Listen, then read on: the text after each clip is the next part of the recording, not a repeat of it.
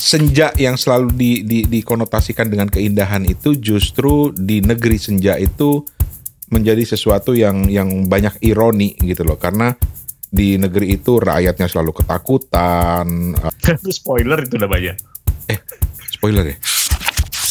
Rupa-rupanya orang-orang ini sangat mahir menggunakan pisau belati. Satu di antara mereka lari menuju ke pintu, tapi di pintu ia berteriak keras.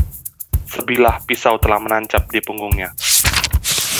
Jadi kita ibarat ibaratnya kalau sulap lu rasanya udah tahu jadi udah ya udah nggak asik lagi gitu. Lu sembunyiin orang bisa ah gua tahu lah lu ngomongin masalah uh, masalah tiran kan masalah masalah masalah penguasa yang Soeharto udah tebut nggak apa-apa sebut aja nggak apa.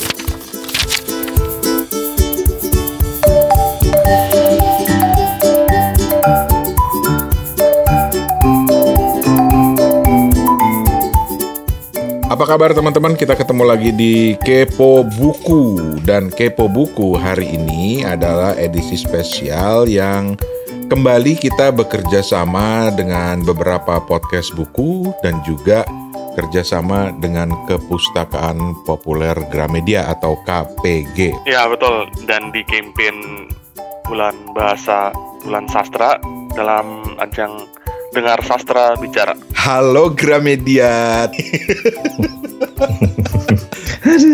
Tapi seru-seru. Jadi teman-teman harus dengerin acara khusus ini karena kita kerjasama dengan sejumlah podcast buku lain dan keren-keren podcast bukunya. betul dan saking khususnya kita itu pagi-pagi loh ini rekaman. Nah, for your information para pendengar Kepo Buku, Kepo Buku itu biasanya rekaman malam. Malam. Sabtu malam jam 8, jam 9 yang berarti di Ambon sudah menjelang tengah malam. Di Singapura juga menjelang tengah malam gitu ya, Iya. gitu kan. Untuk episode ini kita rekamannya pagi dan paginya itu di Ambon berarti jam 9. Udah nggak pagi-pagi amat. Gue baru bangun 15 menit yang lalu. Kan lu biasanya jam gini selesai jogging biasanya gitu. Jogging, lu pikir gue... jogging ngejar tukang bubur. Van, kalau di Ambon sarapan pagi apa, Van? Nasi kuning ya, Van? Iya, nasi kuning. Nasi kuning itu apa maksudnya? Toto bingung kan? Nasi tumpeng. Ternyata itu khas Ambon ya, Van? Iya, betul. Side dishnya dong, cerita side dishnya. Ya tapi jangan sampai makan dong, jangan sampai makan dong bang. Sambil sarapan tuh gitu aja tuh, bubur tuh. Ikan cakalang. Tuh, Potongan gede ikan cakalang. Kepalanya. Sa- enggak, badan bukan bukan kepala, dia di bagian ini, bagian dada sebelah kanan. Hmm, yang ada tulisan R-nya ya. Iya iya. Woi, ini kenapa jadi ngomongin makanan? nah mungkin kita ngomongin makanan ada hubungannya dengan eh, buku yang akan kita bahas Mm-mm. di apa namanya episode kerjasama ini ada hubungannya nggak sih? Ada. Menurut gua ada loh. Apalagi kita ngomong ikan cakalang ya nggak sih? Nah, kalau i- ikan cakalang hubungannya dengan buku ini apa? Nah, salah satu tokoh dalam buku ini, tokoh sentralnya dia kan adalah pengembara, Hmm. gitu kan ya? Pasti kan masa di antara pengembaraannya dia nggak pernah ketemu ikan cakalang, pasti pernah. Ya Allah, ya Allah toh. Kacau loh. Tapi memang benar buat gua buat gua ada ada ada hubungannya dengan dengan pengembaraan yang akan jadi tema no- eh, novel yang akan kita ulas kali ini, yaitu orang yang selalu eh, mengembara gitu ya ke berbagai macam tempat gitu. Itu kan biasanya eh, menemukan budaya-budaya baru, hal-hal baru gitu kan ya dan buat pengembara itu adalah kebahagiaan atau kesenangan ketika melihat hal baru di tempat dia berkunjung. Apalagi hal yang unik. Mm-mm. Nah, si pengembara ini rupanya anak yang kekinian banget. Hmm. Kenapa lo bilang kekinian? Anak kekinian tuh maksudnya gini, mereka dia tuh suka banget senja. Kan anak senja. Sebenarnya kalau ngomong senja sebenarnya nggak kekinian dong, lama. Dari zaman dulu juga udah ngomongin senja. Lo kelamaan di Singapura toh. Kenapa? Di Jakarta tuh ada istilah anak senja zaman sekarang gitu loh. Oh ya? Gimana tuh maksudnya? Iya, anak yang suka menikmati senja, menyeruput kopi sambil membaca puisi. Ah, gila enggak. Zaman gue SMP juga, zaman gue SMP juga orang udah udah terkenal. Nela Regar zaman dulu udah nyanyi kereta senja. Ampun gue ampun. Dinyebutnya Nela Regar. Tapi justru kalau menurut gua, kenapa juga kita ngomongin novel yang saat ini eh, tentang negeri senja gitu ya? Eh, gua buka aja novel yang akan kita bahas kelamaan. Terus lo bilang, oh ini ada hubungannya dengan anak kekinian. Tapi kalau menurut gua justru kalau kita ngomong masalah senja itu justru adalah tema yang eh, everlasting. Hmm. Bentuknya bisa macam-macam, tapi esensinya sama. Filosofis nggak gua? Dalam lu toh. Lu pagi-pagi ternyata dalam toh. Dalam dong, orang gua habis gali sumur. Tapi sebentar, sebentar, sebentar. Kita tuh muter-muter kayak gitu. Bener kita langsung to the point aja. Kasihan tuh pada pendengar. Kita semua mau bahas opo gitu kan. Dah, lu yang ngajak muter-muter makan cakalang.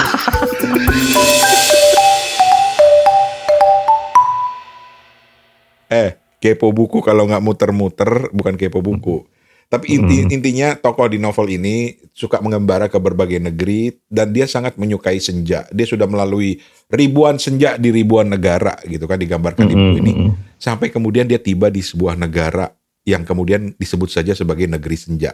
Dan negeri senja ini digambarkan sebagai sebuah negeri yang unik Hmm. karena di sana matahari tidak pernah terbenam. Jadi selalu senja, maka disebut negeri senja. Hmm. Kalau di bayangan gua kan indah banget, keren. Setiap hari senja, lembayung, kekuningan gitu ya, langit merah bata gitu, keren kan. Tapi ternyata negeri senja menyimpan kekelaman. Kita oper ke Stephen. Ah ya, oke oke. Aku em, pertama-tama bilang ini adalah buku yang diterbitin pertama kali itu di Agustus 2003, Mas Toto, Bang Rane, dan dia menang di Kusala Katulistiwa kategori fiksi 2004. Jadi eh, ini award winning juga untuk para penikmat sastra yang mungkin sudah membacanya di tahun-tahun tersebut dan ketika di 2021 diterbitkan ulang cetakan kelima dilengkapi dengan ilustrasi-ilustrasi yang uh, menawan gitu. Jadi Keren.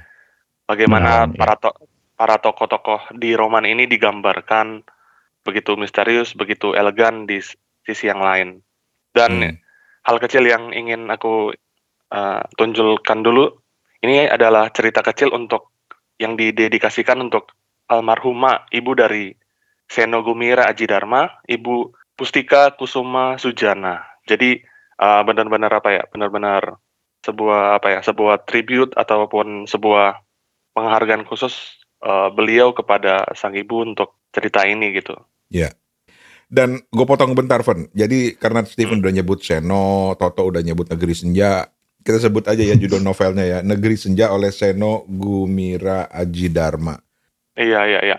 Negeri Senja yang aku baca ini seperti ini, Bang. Kumpulan catatan perjalanan si Pekambara nih. Hmm. Di awal aja tuh kita udah kehook gitu sama si tokoh pengembara. Soalnya dia bilang gini, hidupku penuh dengan kesedihan. Karena itu, aku selalu mengembara. Jadi, ketika di awal aja di prolog tuh kita udah kayak, oke kita akan berjalan-jalan dengan seorang pengembara dan lewat novel ini kita akan telusurin nih negeri yang baru dia datangin gitu. Dan novel Negeri Senja ini kayak seperti yang ditulis di belakangnya, roman petualangan tentang cinta yang berdenyar di antara Kilau Belati, Cipratandara, dan pembebasan iman. Meski di satu sisi kayak film Dune gitu, tapi ini benar-benar roman lokal Indonesia banget gitu. Karena di satu sisi kita dapat uh, nuansa novel silat, cerita silat dan itu betul-betul apa ya membawa kita ke sebuah adegan-adegan pertempuran yang begitu real gitu dan aku akan bilang SGA ini berhasil menyajikan fiksi visual gitu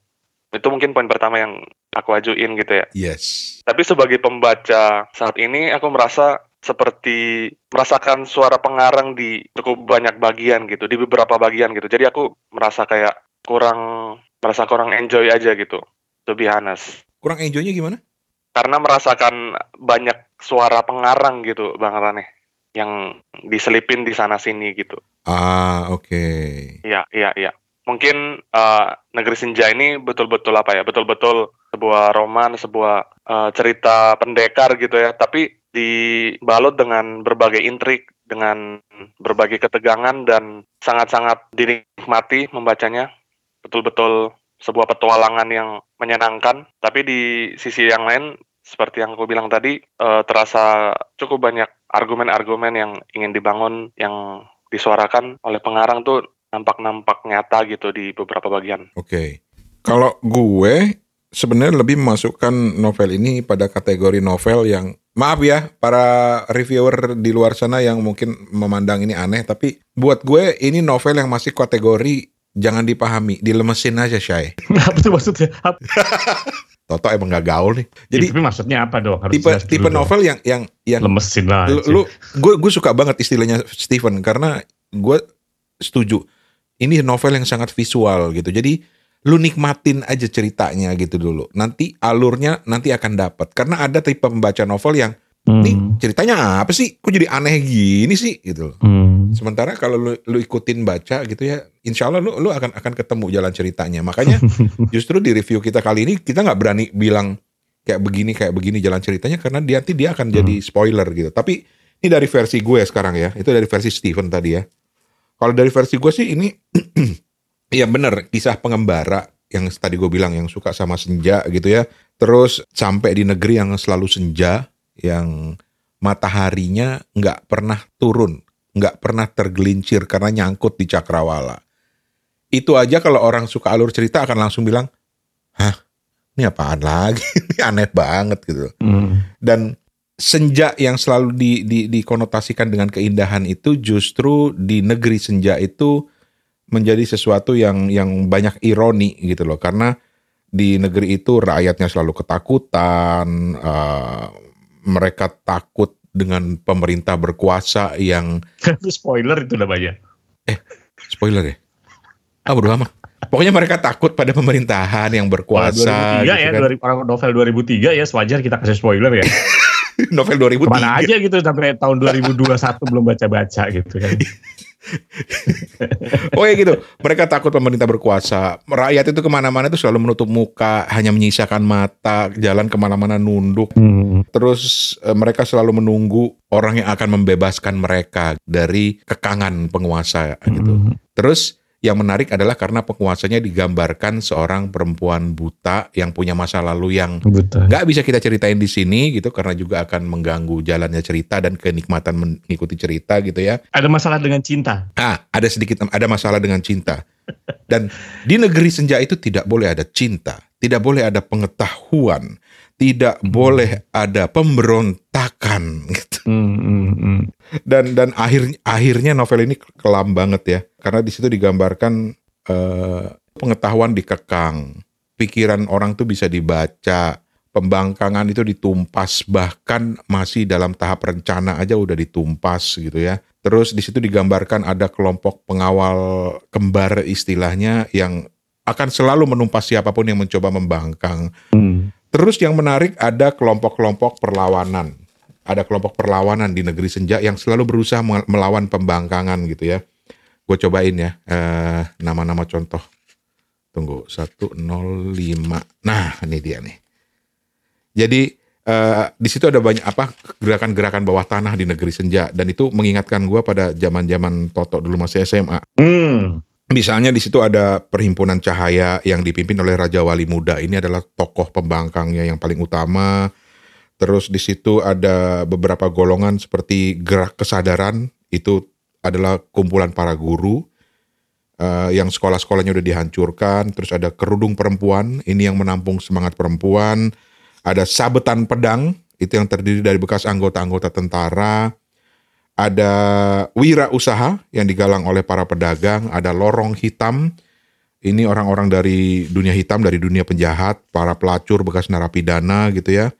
Terus oh ada banyak kelompok-kelompok lain yang memang ingin membangkang, ingin melawan pemerintahan yang berkuasa. Dan itu mengingatkan pada zaman Orde Baru ketika menjelang kejatuhan Soeharto itu ada banyak sekali kelompok-kelompok yang muncul bersatu dengan satu tujuan gitu. Udah spoiler ke mana-mana itu. Udah, eh, belum ah, lu ah. Bu- Buat gue yang yang yang menarik ini adalah karena visual visualisasi. Jadi visual banget. Eh, Steven aja bilang tadi kan ini eh, bilang ini novel visual banget gitu ya. Misalnya dari gaya tulisannya Mas Seno, gue bisa dapat gambaran warna senja yang keemasan yang ketika pintu dibuka Hmm. semburat cahaya keemasan masuk ke dalam ruangan. Wah itu gue suka banget gitu. Terus gue juga bisa merasakan ketakutan em, yang sebenarnya ini menurut kesimpulan gue ya. eh, Mhm. Kalau ada penafsiran lain silahkan. Tapi rakyat negeri senja itu selalu di- di- dihantui ketakutan yang sebenarnya dibuat-buat oleh rejim yang berkuasa gitu. Hmm, hmm, hmm. Gue gue merasakan begitu. Terus juga di situ digambarkan eh, bagaimana apa ya? Saking takutnya rakyat pada pemerintahan berkuasa itu, eh, mereka takut pikiran mereka dibaca, makanya mereka selalu pakai eh, menutupi muka dan menyisakan wajahnya gitu dan selalu menunduk karena mereka takut dibaca. Karena pembangkangan itu ditumpas bahkan dari sejak awal itu masih ada dalam pikiran, masih ada dalam rencana. Ngingetin gua sama Orwell 1984, baru rencana aja udah ditangkap gitu. Dan yang paling gokil lagi buat gua adalah bahkan roh aja nggak bisa hidup tenang di sana di negeri senja karena roh-roh itu juga katanya akan ditangkap dan disiksa dan sakti banget gitu. Oh ya, ada satu ku- kutipan menarik. Gue lagi ngobrol sama Hikmat eh, semalam soal novel ini. Terus eh, Hikmat ngutip kata-katanya Mas Seno. Dia bilang betapa pentingnya buku ini adalah karena Mas Seno pernah bilang gini. Saksi Mata itu adalah buku yang harus saya tuliskan. Saksi Mata itu adalah eh, kumpulan cerpen yang berlatar Timor Timur sebelum lepas dari Indonesia ya. Jadi dia bilang Saksi Mata adalah buku yang harus saya tuliskan. Negeri Senja adalah buku yang ingin saya tuliskan. apa kata Toto? Gue harus ngomong apa? Jadi tadi ikan cakalangnya itu pedes apa? Oh enggak, lain itu. Tapi yang pasti novel ini ya, gue gua gua bacanya terus terang udah sampai habis tapi skip skip gitu karena uh, lo tau sendiri gue paling susah gitu baca fiksi gitu ya. Jadi sebenarnya kalau dibilang novel ini sangat visual bener banget gitu. Cuma ini masalah selera aja ya. Cuma buat gue ternyata uh, membaca fiksi dengan bahasa gue sendiri gitu bahasa apa ya namanya bahasa ibu gitu ya native native language gue native gue sendiri gitu dalam hal ini bahasa Indonesia ternyata susah juga gitu. Karena menurut gue ternyata novel yang kali ini yang gue baca itu atau roman gitu kata orang gitu ya bukan um, panjang gitu kalimatnya panjang-panjang dan berusaha mendeskripsikan sesuatu gitu.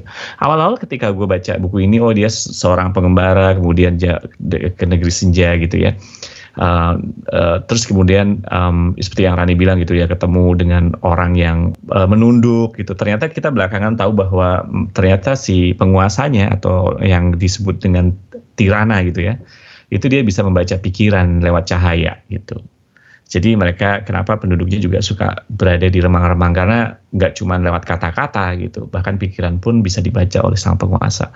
Awalnya sih sebenarnya gue merasa tertarik karena uh, gue pikir oh menarik nih um, tentang seorang pengembara, mungkin dia menemukan hal-hal baru apa sih negeri senja gitu pertama itu. Tapi setelah gue tahu belak belakangan mungkin karena gue hidup di zaman uh, orde baru gitu, di mana uh, tindakan represif penguasa itu sangat terasa gitu, sangat kental gitu ya Ran ya. Kita berdua hidup di zaman itu, pernah hidup di zaman itu gitu. Kijang satu, kijang satu. Hmm, kijang satu, kijang satu gitu ya. Uh, terus uh, uh, apa namanya menjadikan novel ini menjadi dalam tanda kutip menurut gue biasa ketika dibaca di tahun sekian, di tahun sekarang. Hmm. Bahkan ketika gue bilang di tahun 2003 pun, oke okay, kita pernah hidup di zaman itu, tapi toh rezim itu pernah tergulingkan. Ya memang di zaman sekarang orang banyak bilang, enggak rezim sekarang juga represif gitu. Terserah dari apakah interpretasinya gimana ya gitu ya. Tapi menurut gue jadi jadi gimana ya? Mungkin aja mungkin menjadi sesuatu yang berbeda ketika gue baca ini justru di zaman kita SMA gitu. Bener gak sih? Jadi efeknya sangat terasa ketika kita mungkin baca novel ini ketika di zaman orde baru gitu ketika orang hmm. mengalami gitu. Mungkin beda dengan or, anak zaman sekarang yang mungkin hmm. lahirnya pun setelah orde baru membaca novel ini mungkin mereka punya feeling yang berbeda ketika oh iya di zaman itu seperti itu. Sama ketika ketika mungkin kita membaca novel ketika zaman orde lama gitu ya. Dan mungkin kita merasa tertarik karena kita merasa oh ternyata negeri itu seperti ini ya, negeri senja itu seperti ini. misalnya gitu ya kalau negeri senja orde. Tapi ketika ketika lu pernah berada di masa itu novel ini menjadi sangat kalau menurut gue ya menjadi sangat biasa. Kalau gue bilang jadi alegori yang dia gambarkan itu ya atau kiasan-kiasan yang digambarkan gitu kan. Ada tirana yang dengan dengan dengan backgroundnya sendiri apa pun itu gitu. Kemudian banyak bahkan lu bilang tadi roh pun bisa bisa di apa bisa nggak nggak hidup tenang gitu ya padahal gitu ya. Hmm. um, jadinya jadinya biasa kalau menurut gue alegorinya menjadi tidak tidak kena relatable gitu. bukan tidak relatable sangat relatable tapi tidak kena seperti gini loh kita tuh bisik-bisik sesuatu padahal orang udah tahu gitu bener gak sih maksud gue hmm, hmm.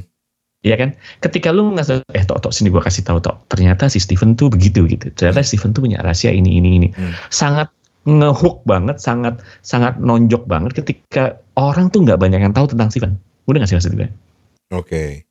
Tapi ketika orang udah banyak tahu tentang sifat, lu ngasih tahu kayak gue bisik-bisik gitu kan, Hmm. ya udah ngapain juga gitu. Menurut, ini menurut gue, ini menurut gue ya, mungkin itu insight yang gue, bilang- gue bilang seperti itu. Kedua, kalau gue merasakan justru perjalanan yang dia yang dia lakukan ini, gue ngerasa ini tuh catatan perjalanan di, di sudut pandang dia atau di mana kira karena kalau gue baca kadang-kadang dia tuh menceritakan tentang Tirana gitu dari seakan-akan dia lepas dari sudut pandang dia gitu mudah nggak sih maksud gue Mudang, mudang, mudang. jadinya ya jadinya ini sebenarnya sudut pandang siapa gitu walaupun dia tetap beda dengan dengan sudut pandang orang pertama gitu ya tapi tapi seakan-akan jadi lepas gitu Mudah Jadi- bingung ya secara Jadi, teknis. jadi menurut lo sudut pandangnya itu pindah berpindah-pindah gitu ya? berpindah-pindah gitu Ah. kalau menurut gue ya kalau menurut gue gitu Kok gue malah nangkapnya sih justru dari sudut pandangnya si pengembara terus sih. mungkin karena gue nggak membaca itu dengan seperti yang udah bilang di keep slow aja gitu di keep apa nyantai aja gitu ya. Mm-mm. karena gue terlalu ya. Dilemesin aja, Shay. dilemesin aja cing gitu ya. Dilemesin aja say gitu ya. Nah gitu kan. Nah mungkin gitu. Dan karena gue mungkin eh, termasuk kesulitan karena banyak banyak kata-kata yang banyak kalimat-kalimat yang memang panjang-panjang. Jadi harus eh, harus dengan sabar gitu harus dilemesin seperti lo bilang gitu mungkin seperti itu Ah, dan akhir ceritanya gimana akhir ceritanya? Kalau menurut gue apa pun akhir ceritanya, kalau menurut gue ya lagi-lagi karena gue dengan kacamata orang yang pernah hidup di zaman Aha. yang, yang digambarkan di Inggris Jayati akhirnya eh, oke jadi biasa aja tuh akhirnya gitu.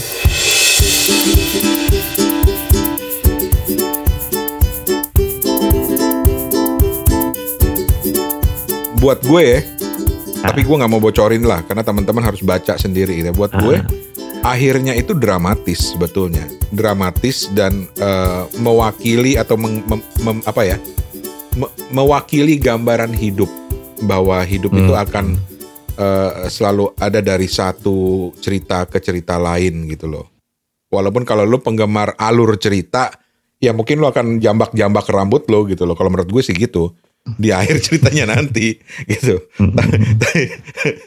tapi gue nggak mau kasih spoiler. Gue cuma bilang bahwa buat gue akhir ceritanya justru keren gitu loh. Mungkin karena karena gue suka tipe-tipe cerita yang ngegantung. Nggak juga ngegantung sih. Gue suka cerita yang tidak diberi titik. Nah itu. Apa kita perlu kasih tahu endingnya gimana? Jangan lu gila lu di, di buset lu di, di Uber lu sama orang satu kepo buku lu.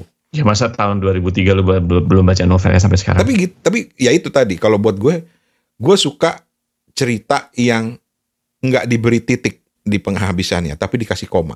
Hmm, tapi kan nyesek. Karena lo selalu men, me- ke- gini kalau buat gue ini ya, kalau tujuan lo adalah titik perhentian di satu titik nanti di depan, Hmm. ya lo akan kecewa. Tetapi selalu berpikirlah sebagai seorang pengembara yang Hmm. dia akan kasih koma di akhir cerita karena apa?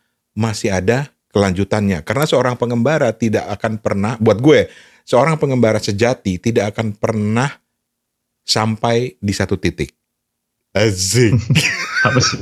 Muter-muter aja. Loh, ini, ini filosofis toh. Ini novel Udah filosofis banget Tapi toh. kalau menurut gua ada sisi praktis yang kadang-kadang juga kita harus ini loh. Seperti seperti lu nonton drama series gitu ya. Hmm. Misalnya tentang apa pun gitu, tentang pembunuhan. Eh sampai akhirnya nggak ketahuan pembunuh itu siapa gitu. Kan rese gitu kadang-kadang. Oh, lain. Kalau itu lain.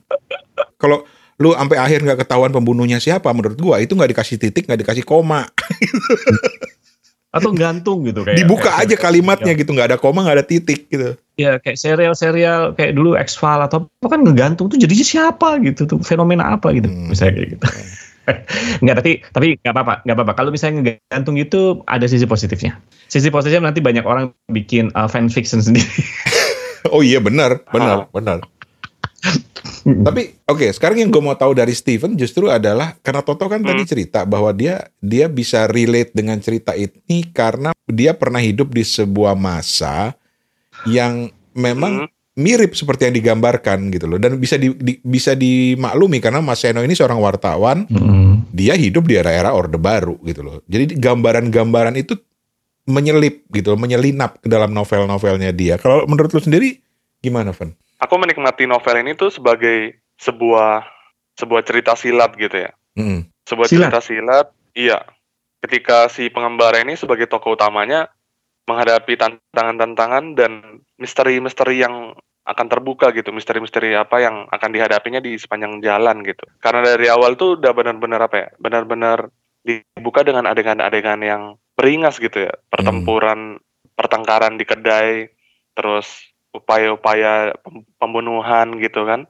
Mm-mm. Dan ini dinikmatinya sebagai gimana sih enaknya? Ah, ya aku bisa menawarkan sebuah pendekatan gitu. Ini tuh sebuah parabel gitu. Ketika sebuah uh, society itu benar-benar dijajah secara intelektual, di- ditekan secara ekonomi juga. Itu benar-benar mereka kan miskin sekali dan untuk mencari makan kalau aku tidak salah ingat benar-benar terbatas juga kan Iya, bener. dan ini benar-benar sebuah parabel yang yang sangat-sangat menyiksa lah ketika kita baca secara lebih terbuka lagi gitu. Tapi gini, Van, ada ada ada uh, yang Toto cerita tadi yang menarik gitu loh, karena baik Toto maupun gue bisa relate dengan cerita ini karena memberikan gambaran dari sebuah era di Indonesia di dunia nyata itu pada suatu masa ketika memang rakyatnya ya seperti yang dialami oleh rakyat negeri senja gitu loh. Nah, apakah lu relate dengan itu atau memang lu benar-benar menikmati eh, ceritanya aja tanpa mau diganggu dengan segala macam hal yang mengingatkan gua pada ini, mengingatkan gua pada itu gitu, Van. Oh ya, sebagai pembaca aku terkadang mengingat-ingat gitu ya, Hmm. seperti eh, seperti kejadian-kejadian yang terjadi di masa itu. Tapi aku ingin menjauhkan itu dan hanya ingin terjun ke dalam dunia ceritanya, bang.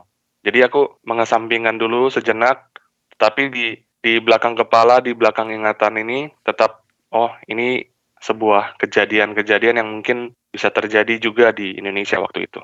Bukan bisa, udah. Iya, iya. Jadi kalau kalau kalau buat teman-teman eh, karena kan Toto tadi lagi-lagi bilang bahwa ya belum tentu kan generasi sekarang itu bisa me- bisa relate atau bisa nggak tahu ya Tok koleksi gua kalau salah eh, koreksi gua kalau salah tapi Mm-mm. belum tentu bisa menikmati eh, novel ini gitu kan ya iya nggak sih gitu nggak sih Tok Justru orang kalau kalau menurut gue, kalau menurut Hmm. gue, em, mungkin generasi sekarang justru bisa menikmati novel ini karena mereka nggak pernah hidup di zaman seperti itu gitu. oh justru bisa lebih menikmati Kalau menurut gue, menurut gue, karena seperti halnya ketika gue baca novel atau cerita tentang kehidupan orde ba, orde lama Hmm. gitu ya. Ya, mak- maksud gue gini, ketika orang menggunakan perumpamaan, menurut gue jadi kalau buat gue, ah gue, gue tahu, ya, ini nggak usah pakai perumpamaan, lu ceritain zamannya, zamannya, zamannya orde baru kan, misalnya kayak gitu. Hmm. Bener gak sih maksud gue? Jadi ketika ibarat ibaratnya kalau sulap lu rasanya udah tahu, jadi udah udah ya udah nggak asik lagi gitu. Kalau menurut gue, karena gue udah Oke. tahu gitu. Jadi lu lu sembunyiin orang bisa ah gue tahu lah lu ngomongin masalah eh, masalah tiran kan, masalah masalah masalah masalah penguasa yang Soeharto udah tebut nggak apa-apa sebut aja nggak yang enggak gue cuma mau, mau mengucapkan ini apa namanya eh, eh, eh, apa namanya sifatnya gitu. Eh. penguasa yang tiran gitu misalnya penguasa yang Ah. represif kayak gitu gitu jadi jadi ibaratnya kalau lu bungkus dengan alegori lu bungkus dengan dengan perumpamaan menurut gue udah ya udah ngapain gitu beda halnya dengan mungkin Steven atau anak sekarang yang perumpamaan itu walaupun mereka tahu ya zamannya Orde Baru begitu ya zamannya itu tuh ada masa begitu ya zamannya Firaun begitu ya gitu ya ya mungkin jadi asik aja asik aja karena dia udah punya ini udah punya uh, jarak terhadap apa yang kita pernah alamin gitu aja sih maksud gua oke mudah sih Mas. mudah Ya, mudeng, kalau menurut gua mudeng, sih itu. mudeng. Ta- Dan dan menarik juga sih karena banyak cara untuk nikmati novelnya Mas Seno ini gitu. Walaupun Mhm. mungkin lu nggak relate dengan konteksnya atau jangan-jangan Mhm. Mas Seno kalau dengerin ini, ceh GR banget Mas Seno dengerin ini. Tapi kalau Mas Seno misalnya eh, dengerin ini dia bakal ketawa. Wah, ini anak gua tipu semua nih. Emang ada hubungannya sama Orba kagak ada gitu loh. Iya Cuma- kagak ada siapa tahu aja itu kan Iya. itu kan pe- perumpamaan kita aja gitu Cuma kan. iya itu dia. Cuma karena orang itu ketika dia membaca atau menikmati bacaan, dia selalu nggak bisa terhindarkan kalau pikirannya itu menghubungkan dengan peristiwa yang pernah terjadi atau apa yang Hmm. relate dengan dia karena itu kan upaya dia untuk membantu memahami. Tapi ada satu Mhm. lagi-lagi kata kunci dari Stephen yang menarik tadi, yaitu aspek kayak cerita silatnya. Jangan lupa Mas Seno ini guru silat Oh bukan. Kalau ngeliat tampangnya sih gondrong, kumisan gitu, emang udah kayak Yayan Ruhian sih, versi agak gemukan dikit gitu. Tapi jangan lupa Mas Seno ini juga jago nulis cerita silat. Coba deh cari eh, misalnya eh, Naga Bumi gitu. Mm-mm. Itu itu keren banget penggambaran adegan silatnya. Nah, kita coba dekati dari itu sekarang dari segi aspek silatnya, Fen. Iya. Yang pertama, aku eh, akan bilang aku nggak membaca cerita seperti Wiro ya. Mm. Soalnya itu berada di luar jangkauan aku dulu gitu. Tapi aku pernah pegang novelnya. Wiro Sableng ya. Iya. Lo apa yang bacanya apa Koping Ho? apalagi Koping Ho. Koping Ho tuh ini di persewaan persewaan di Jogja itu tapi ketika pengen di kayak dilihat dibaca tuh kayak kurang-kurang ini ya menarik gitu ya karena Bukan selera lo lah, bukan selera lo lah. Ibaratnya gitu kan. nah, nggak ada nggak ada nggak ada dikasih cover yang proper gitu loh Ah, tulisannya Koping Ho satu dua Lo itu Fun, justru fun. as- asiknya tuh begitu. nah, tuh gue baru mau ngomong. oh gitu ya Fen, kenapa Koping Ho covernya membosankan? Gitu-gitu aja, murahan. Yap. Karena ceritanya itu nggak bisa digantikan, Fen. oh Jauh lebih keren. Lu mau nggak pakein cover juga ceritanya tetap keren. Nah, tapi kan mereka punya format yang format yang jadi gue ngomongin itu ya, ya jadi punya format yang eh, standar kan. Maksudnya Hmm. kalau lu ke- datang ke tempat penyewaan komik gitu ya, Hmm. itu kan keren gitu, dijejer banyak gitu. Pernah nggak sih Iya lu ke sih. tempat kebagian Iya. komik? Iya. Masih ada nggak sih zaman sekarang? Masih ada nggak sih? Udah nggak ada kali. Mungkin di daerah-daerah masih ada. Sayang banget. Oke, balik tadi gimana, Fen? iya iya Penggambaran cerita silatnya, Fen. Mungkin ini bisa membantu teman-teman yang ini dari tadi Toto omarannya ngomong apa, tapi mungkin dari segi cerita actionnya dari silatnya mungkin akan menarik pembaca juga. Eh, SGA nih melukis melukis dengan kata-kata ya dan ini adegan-adegan silat yang dia tampilkan di buku ini aku coba cerita sedikit Asik. Pisau itu menancap di dada kanannya. Ia jatuh tertelungkup di atas meja. Sejumlah orang di sekitarnya segera membacok punggungnya pula. Suasana kacau sekali. Tiba-tiba, seseorang yang lain sudah terbanting ke atas meja. Teko dan cangkir teh bertebaran. Dengan cepat, orang yang terkapar di meja itu pun dibacok. Rupa-rupanya orang-orang ini sangat mahir menggunakan pisau belati. Satu di antara mereka lari menuju ke pintu, tapi di pintu ia berteriak keras. Sebilah pisau telah menancap di punggungnya. Ia tidak langsung jatuh. Ia masih bisa berjalan terhuyung-huyung keluar. Namun di luar kulihat ia terjatuh.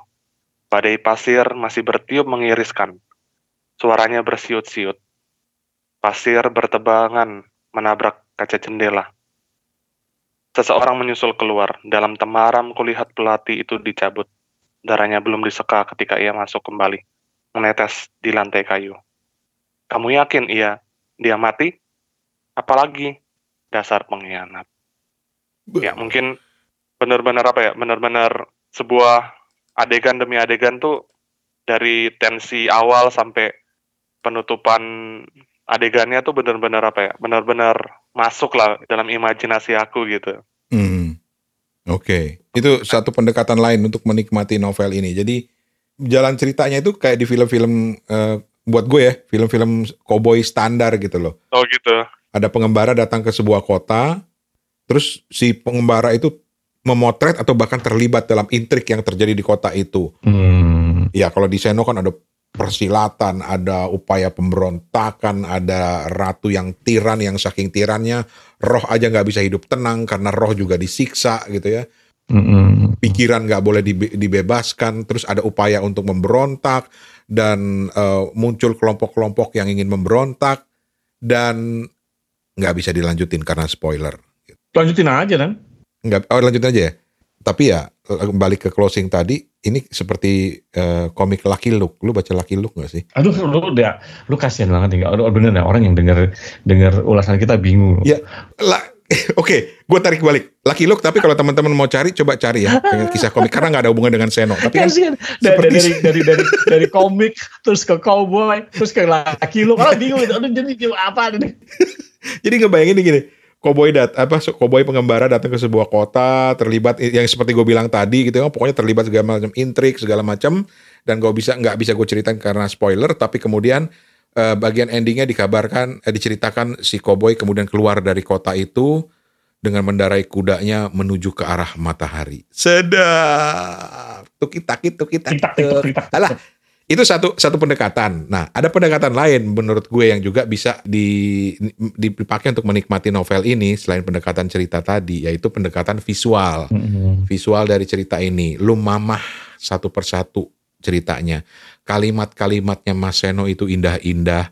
Tadi bahkan adegan perkelahian aja yang sadis, yang perut terburai ke sana kemari digambarkan juga di situ. Terus juga di cerita itu ada digambarkan ada sebuah kotak namanya kotak senja gitu ya. Gua suka banget gambaran kotak senja ini karena katanya kotak senja ini kalau lu buka, lu bisa melihat senja terbenam di negeri senja gitu loh. Dan, dan dan kotak itu banyak dijual di mana-mana, tapi ada satu kotak yang sangat penting yang sempat dipegang, diserahkan kepada si pengembara yang kita nggak pernah tahu namanya sampai akhir cerita. Dan kotak ini menyimpan sebuah cerita yang menarik gitu, yang ada ada sebuah gambaran menarik yang ingin diceritakan oleh Mas Seno gitu. Ada sebuah visual menarik yang ingin disampaikan dan itu kalau lo ingin melihat uh, pengandaiannya atau melihat metaforanya gitu ya. Tapi juga dari kotak itu juga uh, diceritakan bahwa ketika si pengembara mau digeledah segala macam, ada satu pengemis berusaha membela karena kotak itu penting bagi pemberontakan negeri negeri senja dan dia bilang kotak itu udah saya telan katanya dia bilang gitu. Karena kecil aja ukuran kotaknya gitu.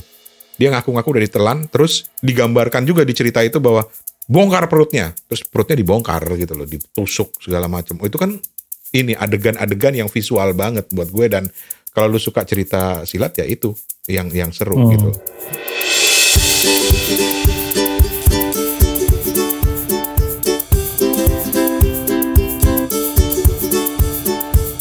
Oke, menjelang akhir kita kembalikan ke Toto. Ada bagian-bagian apa yang paling lo suka dari novel ini? Nanti gue juga akan tanya sama ke Steven.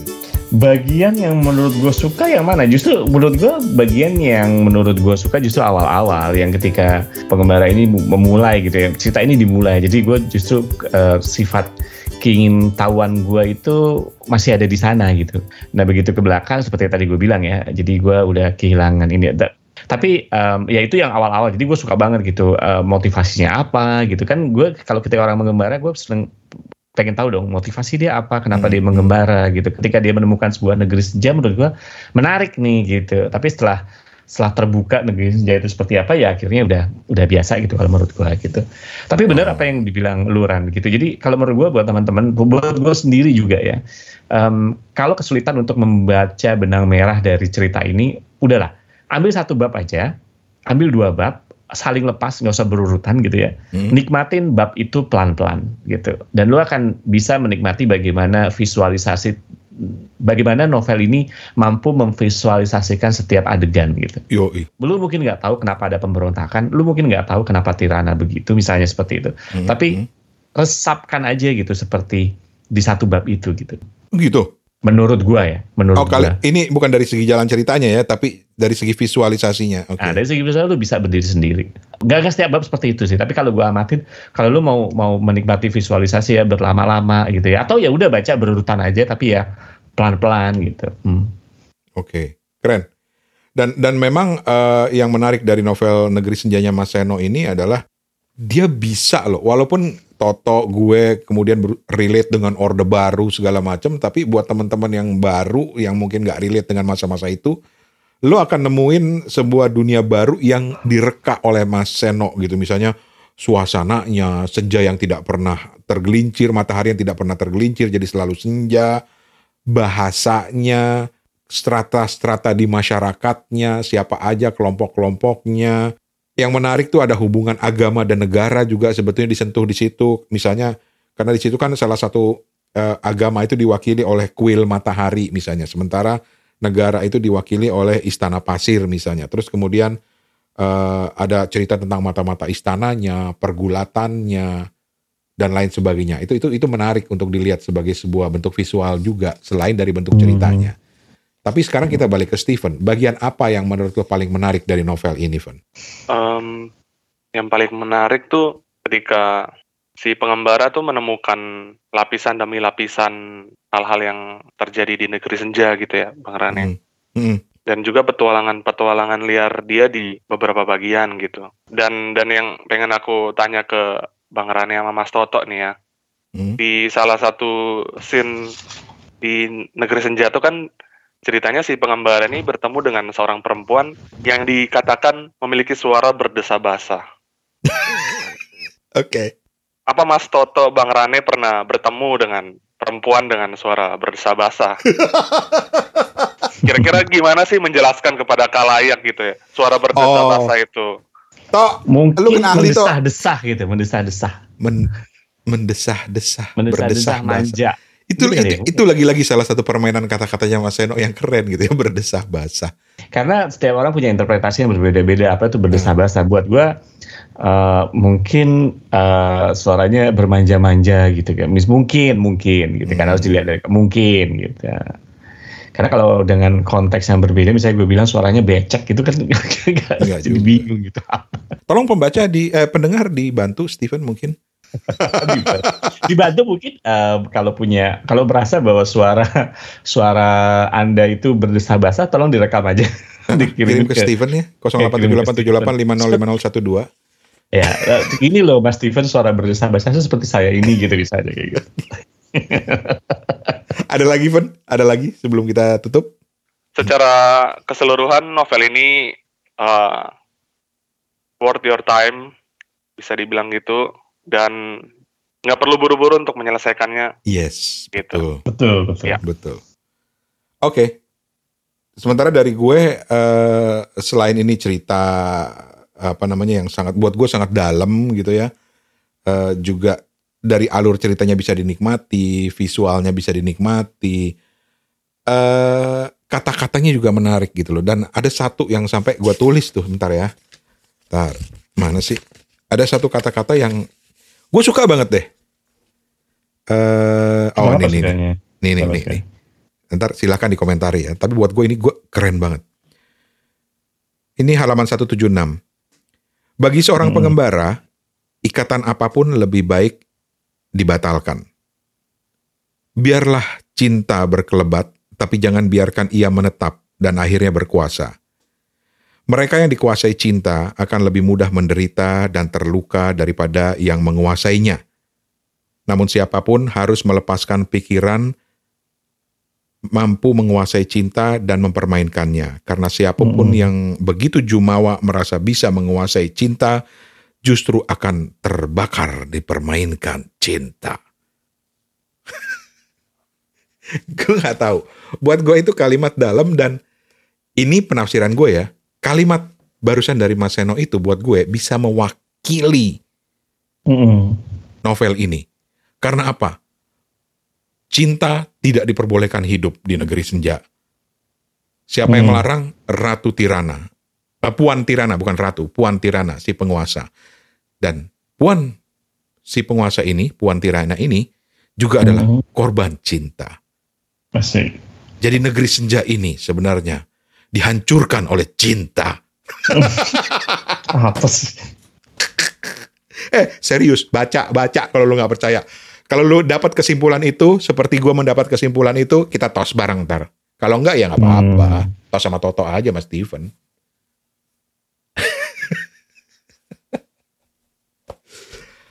Hah, seru, seru, seru, seru. Ada lagi, Mas Toto? Sudah, itu saja. Sepertinya cukup. Oke, jadi lu janji abisin novelnya ya? Oh, gue udah habis. Cuman gue bilang seperti itu. Gue skip-skip. Oh, lu, lu, oh, lu bacanya dengan skip-skip. Nah, itu dia. Oke. Hmm. Steven? Ya eh, itu aja cukup. Oke. Hidupku hidupku penuh dengan kesedihan karena itu aku selalu membaca.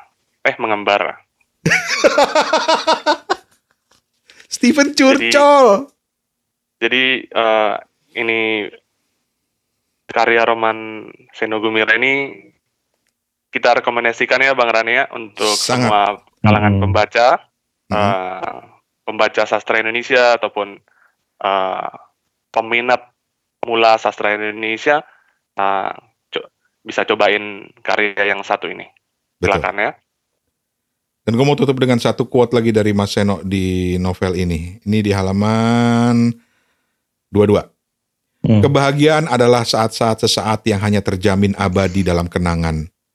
Sehingga hanya mereka yang mampu menghidupkan kenangan bisa mempertahankan kebahagiaan itu. Asik. Jadi kalau ada di antara lo anak-anak senja yang suka dengan kata-kata yang keren, baca ini. Relatable banget. Relatable ya. Oke lah, kalau begitu. Terima kasih banyak. Kita ketemu di episode berikutnya dan di episode berikutnya kita eh, agak menurunkan tensi dikit lah dari yang tegang-tegang karena kita akan mereview buku tulis. Oh iya benar, kita ada rencana untuk men- mereview buku tulis ya. Nantikan ya di episode berikutnya. Betul. Dan ini serius, kita nggak bercanda. Karena banyak yang bercanda bilang, Bang, kapan bang mau review buku tulis? Hehehe. Hmm, kita kalau nge-review itu serius. Kita nggak pernah bercanda. Nggak pernah. Nggak pernah nggak serius. Anak-anak senja kepo buku itu nggak pernah bercanda. pernah. Alah, memang anak-anak usia senja. Wah, itu Steven juga termasuk anak senja ya, Fen ya? Lu lu kebayang nggak Steven Ah, berdiri atau menikmati apa berdiri di tepi jembatan yang panjang di Ambon menikmati senja gitu. Alah. ya bingung Steven. salah satu salah satu inilah ya, salah satu momen-momen yang magical ya Yoi. untuk Yoi. lihat senja itu. Apalagi Mhm. nanti lu baca novel ini sambil menikmati senja. Uh, membaca negeri senja di senja hari. Betul betul. Kadang-kadang kan kita kalau gua sendiri gitu ya misalnya kalau sibuk Hmm. kerja gitu kan ya. Kadang-kadang kalau ketika punya punya waktu untuk menikmati senja itu emang akhirnya me, ini me- membangkitkan memori-memori lama. Jah, eh. Ah, sedap. Begitu ya. Iya, karena karena kalau gua kalau gua sebagai orang korporat gitu Hmm. ya budak budak korporasi gitu ya tahu sendiri kerja dari jam berapa sampai berapa. Kadang-kadang setiap hari ya hampir nggak bisa menikmati senja nggak Iya. nggak nggak nggak nemu matahari tenggelam gitu. Mungkin baru bisa weekend gitu bisa. Itu pun juga kalau nggak sibuk juga gitu kan. Jadi ketika menemukan senja tuh banyak sebenarnya yang bisa dinikmati gitu. Jadi kalau menurut gua kalau novel mas novelnya mas eh, Seno ini em, mengambil senja karena memang senja itu punya punya Hmm. magicnya sendiri ya Ran ya gitu kan.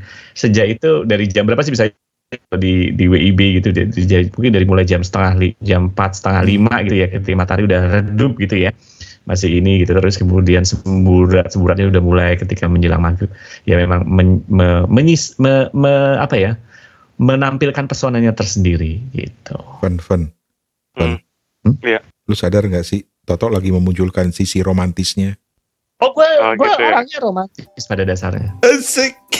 Seorang filosof itu selalu romantis.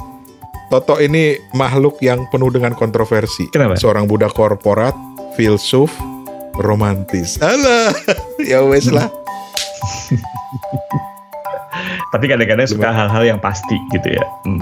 Hidup ini harus lengkap Ran. Ibaratnya kalau ibaratnya sebuah sayur tuh ada rasa ada rasa asinnya, rasa manisnya, rasa gurihnya gitu. Harus beda-beda supaya lengkap. Asik. Udah, gue mau makan soto pagi-pagi diajak rekaman. Aneh aja lu ah, ngajak rekaman pagi-pagi. Siapa punya ide siapa sih? Eh, eh, eh, Samsudin yang ngajak rekaman pagi siapa? emang. Mana? Samsudin. Oh, Sam, ya, emang admin kita tuh yang namanya Samsudin tuh Alah, kurang ajar Oke. banget. Ngajak. Steven, thank you banget. Salam sama Ya. senja di Ambon. Alah, Iya, makasih semuanya. Terima Thank you, Tok. Ininya. salam sama senja di Sing ah, di Singapura nggak ada senja. Oke, thank you, Tok. Thank you. Bye. Yuk. Dadah.